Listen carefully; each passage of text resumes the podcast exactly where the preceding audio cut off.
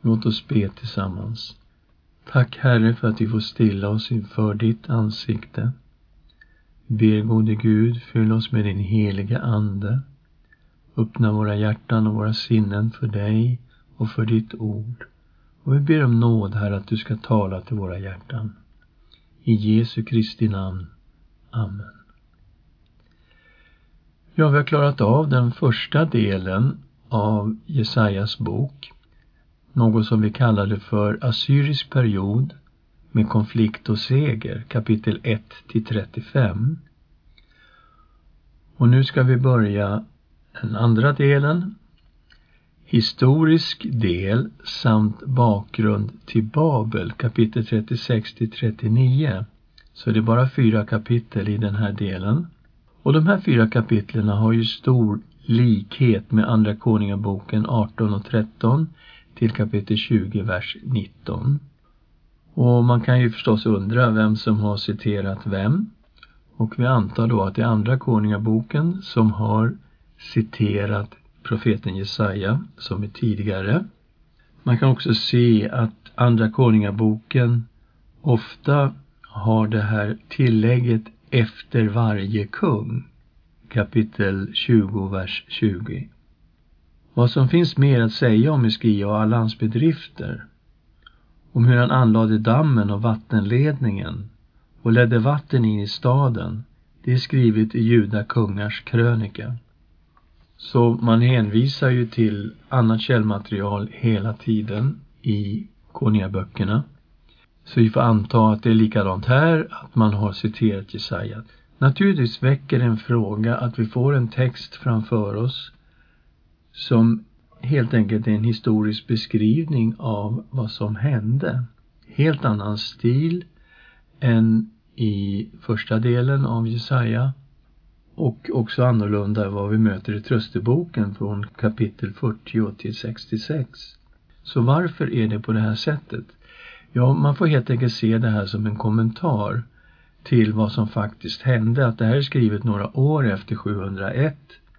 Innan här har vi också mött ett antal profetier där Gud säger att han ska beskydda Jerusalem. Och här får vi facit så att säga, den historiska delen. Det är kapitel 36 och 37 som behandlar den här invasionen mot Jerusalem. Så Assyriens kung Sanherib, han invaderade Juda år 701 f.Kr. Enligt assyriska källor så intogs 46 städer i Juda. De belägrade och intog Lakish, som var en befäst stad söder om Jerusalem. Den räknades som Judas starkaste fäste efter Jerusalem. Så här står det i kapitel 36, vers 1 och 2. I kung Hiskias fjortonde regeringsår, det vill säga 701, han blev alltså kung 715, så hans fjortonde regeringsår är 701. I kung Hiskias fjortonde regeringsår drog Assyriens kung Sanherib upp och angrep alla befästa städer i Juda och intog dem. Från Lakish skickade han Rabshake med en stor här till Jerusalem mot kung Hiskia. Och den här Rabshake, han var alltså en chefsförhandlare för Sanherib och han hade som mål att övertala Jerusalems ledarskap och befolkning att ge upp utan strid, att helt enkelt ge sig till kungen av Assyrien. Han utmanade och hånade även Israels Gud. Han sa, ni kanske förtröstar på Egypten, Egypten kommer inte att hjälpa er. Eller också förtröstar ni på Jahve, att eran Gud ska hjälpa er, men han påpekade att inga av de andra folkens gudar hade kunnat rädda dem från Assyriens kung. Rabshake sa, låt inte Skia få er att förtrösta på Herren när han säger Herren kommer att rädda oss och denna stad ska inte ges i den assyriske kungens hand. Det är kapitel 36, vers 15. I kapitel 37, vers 1-13 så kan vi se att Hiskia frågade Herren genom Jesaja. Han ville veta vad Gud hade att säga i den här mycket, mycket svåra situationen. Vi måste ju sätta oss in i att Assyrien var en supermakt med en enorm krigshär och en krigsmaskin. medan Juda var ganska små i förhållande till den här väldiga armén. Och Herren sa till Iskia att han inte skulle vara rädd. Han sa också att Sanherib skulle återvända till sitt land utan att ha intagit Jerusalem och att han en dag till och med skulle dödas i sitt eget land. Och Rabshake, han gav ett skriftligt budskap till kung Hiskia och kung Hiskia tog det här brevet och gick in i Herrens tempel och utgöt sitt hjärta. Och han utgöt verkligen sitt hjärta inför Herren i en desperat bön om hjälp. Det här är kapitel 37, vers 14 till 35. Vi läser om detta. Han påpekade att de andra folkens gudar som assyrierna hade intagit inte var riktiga gudar. Men nu hade de utmanat Jahve själv. Herren svarade genom profeten Jesaja att Assyriens kung Sanherib inte skulle tillåtas att komma in i Jerusalem. Så här står det i kapitel 37, vers 33 till 35. Därför säger Herren så om Assyriens kung, han ska inte komma in i denna stad, eller skjuta någon pil dit in. Han ska inte närma sig den bakom en sköld eller kasta upp en vall mot den. Han ska vända tillbaka samma väg som han kom. Han ska inte komma in i denna stad, säger Herren, för jag ska skydda och rädda denna stad för min och min tjänare Davids skull.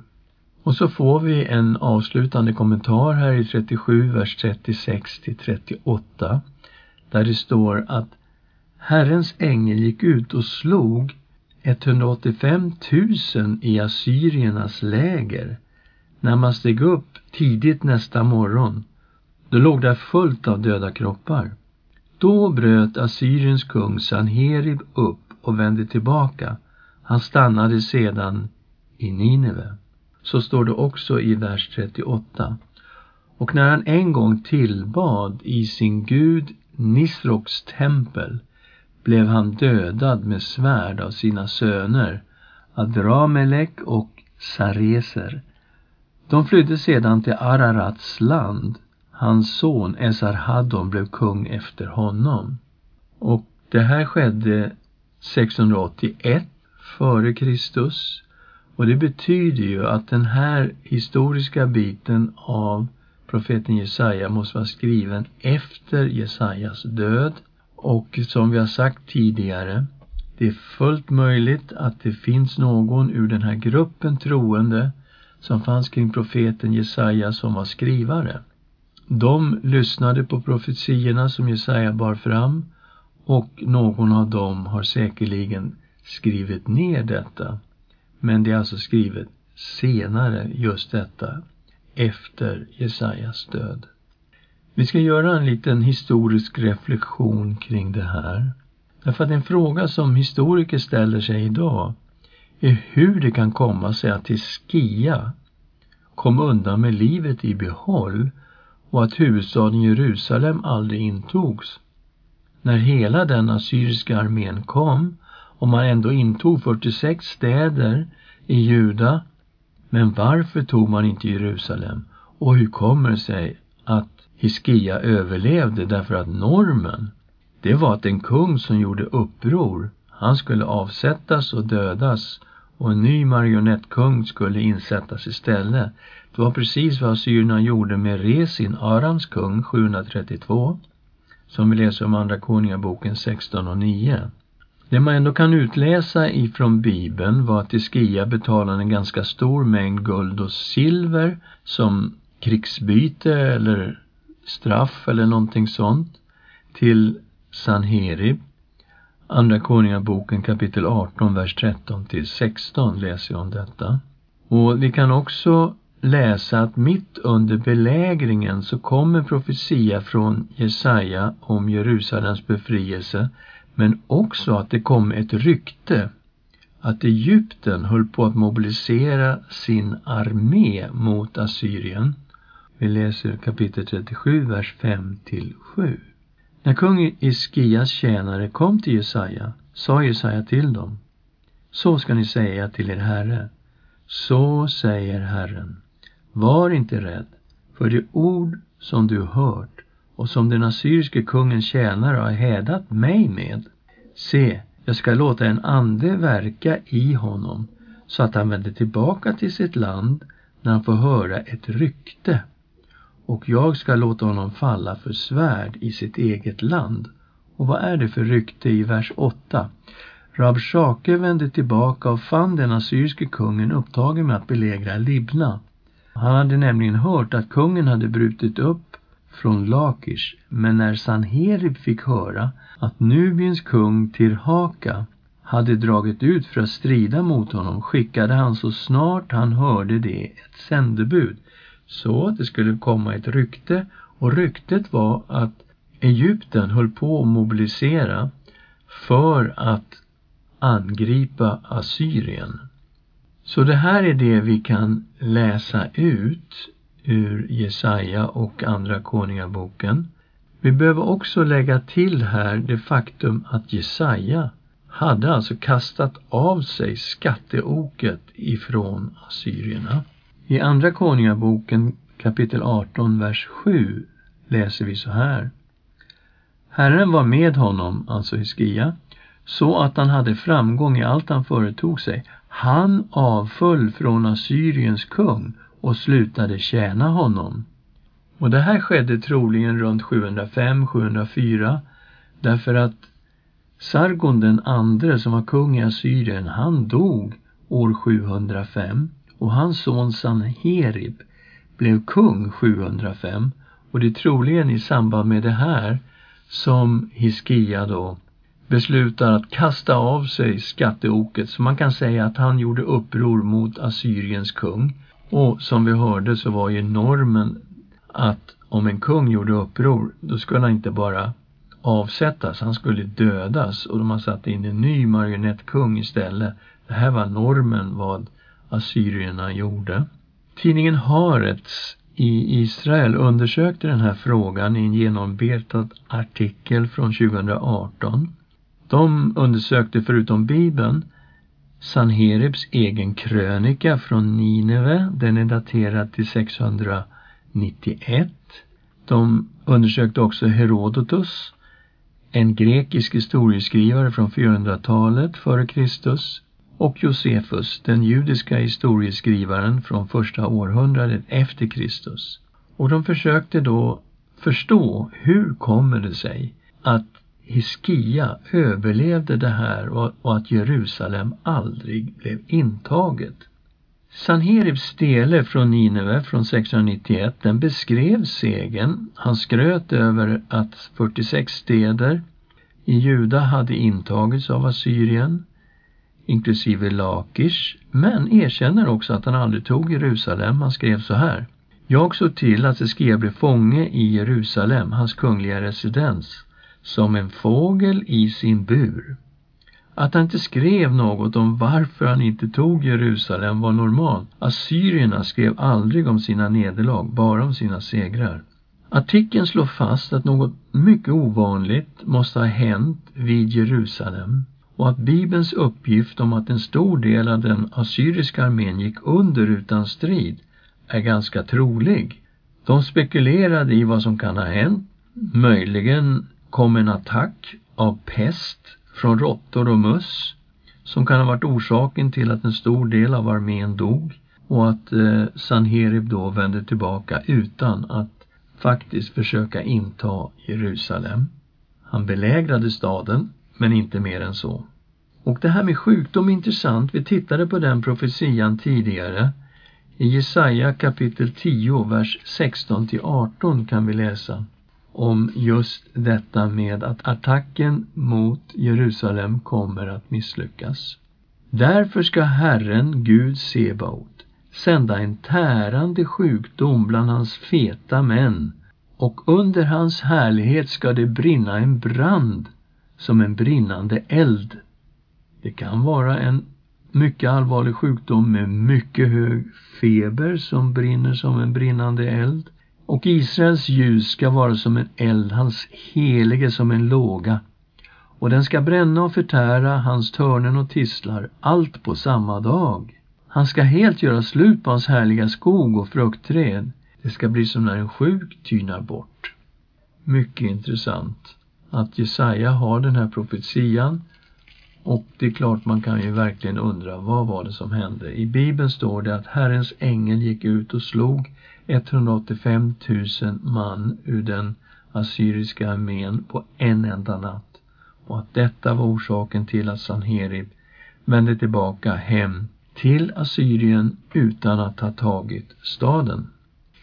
Sen kommer vi in i kapitel 38 och 39 som vi har kallat för Hiskias sjukdom och profetia om Babel. Det står att efter en tid så blev Hiskia allvarligt sjuk. Profeten Jesaja besökte honom och sa åt honom att förbereda sig på att dö. Men Hiskia bad till Herren och grät med bittra tårar. Då sa Herren åt Jesaja att vända tillbaka med ett löfte till Hiskia att han skulle få 15 år till. Som tecken på att detta verkligen var sant så gick ett slags solur tillbaka tio steg. Vi har ingen aning om hur detta gick till. Det kan ha varit ett lokalt fenomen som inte påverkade hela jordrotationen. Men det står i alla fall att soluret gick tio steg tillbaka. På Jesajas inrådan så lades sen en fikonkaka som plåster på en svår böld i kapitel 38, vers 21 och Iskia han blev helt frisk. Och han har en underbar lovsång i kapitel 38, vers 9 till 20. Och det är verkligen en sång. Det står så här i vers 9. En sång skriven av Juda kung Hiskia när han hade varit sjuk och blivit frisk från sin sjukdom igen. Och så kommer en underbar lovsång där han tackar och prisar Herren. Vi kommer till kapitel 39 och vi möter sändebud från Babel. Mycket märkligt tycker man att helt plötsligt dyker upp sändebud från Babel. Hur ska vi förstå detta? Att kungen i Babel, Merodak Baladan, skickade sändebud till Hiskia för att gratulera honom att han hade blivit frisk. Den här kungen försökte mer än en gång att frigöra Babel ifrån Assyrien. Han var kung under en period, 721 till 710, och han kämpade hårt för att frigöra Babel från Assyrien. Men 710 så sände Assyrien en armé emot honom och besegrade honom, besegrade Babel. Och den här kungen, Merodak Baladan, han lyckades fly. Och här möter vi att han har skickat sändebud för att gratulera Hiskia som vi vet också då hade brutit med kungen i Assyrien. Och den här kungen då, Merodak Baladan, han lyckades göra comeback. Han var tillbaka 703 och startade ett uppror emot Assyrien som slogs ner igen och då flydde han till Elam som då ligger i dagens Iran. Han flydde alltså österut, bort utanför gränsen till Assyriska riket och där höll han sig gömd. Hur ska vi få in det här i en historisk situation? Ja, vi vet ju då att Assyriens kung Sargon den andre dog 705. Hans son Sanheri blev ny kung 705 och det verkar som om Hiskia passade på att bryta sig loss från Assyriens skatteåk just då, som vi läste i Andra Konungaboken 18 och 7. Och den här Merodak Baladan, han verkar ju ha samma agenda som Hiskia. Han har ju redan kämpat mot Assyrien och när han blev kung igen 703 då gjorde han ett nytt uppror emot Assyrien så pass att de fick skicka en armé ner och besegra honom igen. Och det intressant här är nu att Hiskia, efter han var sjuk så fick han 15 år till. Man räknar med att Hiskia dog 686. Ja, det betyder ju att han borde ha varit sjuk 701 eller 702 före Kristus eller 700 före Kristus. Ungefär i den vevan. Och här har vi då den här kungen, Merodak Baladan, som tvingades fly 703 till Elam. Det är fullt möjligt att han tog med sig några av sina närmaste män och satte upp någon sorts läger där i Elam. Eh, att han fick beskydd av elamiterna. Och det är också möjligt att han skickar en delegation år 701 därifrån och att han egentligen var ute efter att Hiskia skulle göra gemensam sak med honom, att de var i någon sorts allians tillsammans mot kungen i Assyrien. Allt detta är fullt möjligt. Men när de här sändebuden hade gett sig iväg hem igen, då kom profeten Jesaja och frågade Hiskia, var kom de här människorna ifrån? Ja, han berättade att de kom, kom från kung Merodak Baladan av Babel. Jaha, säger Jesaja, vad var det de fick se? Ja, säger Hiskia, jag visade dem precis allting. Alla skatter som fanns i palatset och i Herrens tempel. Då kom Guds ord genom profeten Jesaja i 39, vers 6 och 7. Se dagar ska komma då allt som finns i ditt hus, också dina fäder har samlat, ända till denna dag, ska föras bort till Babel. Ingenting ska bli kvar, säger Herren. Och man ska ta några av de söner som ska utgå från dig och som du kommer att föda, och det ska bli hovmän i den babyloniske kungens palats.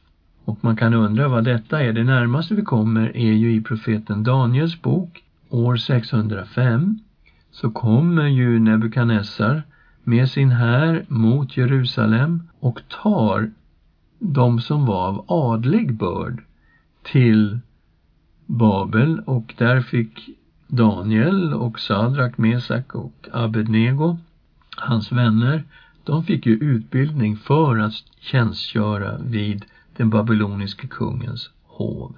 Men vad vi framförallt ser här, det är ju hur Jesajas bok på ett naturligt sätt kopplade ihop den första delen med den del som kommer efter trösteboken kapitel 40 till 66 för den delen av Jesaja förutsätter en fångenskap i Babel. Och här har vi ju en tydlig profetia att det ska bli en fångenskap i Babel.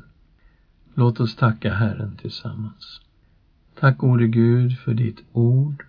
Vi ser igen att du är historiens Gud och tack Herre för att du är den som leder historien framåt enligt din plan.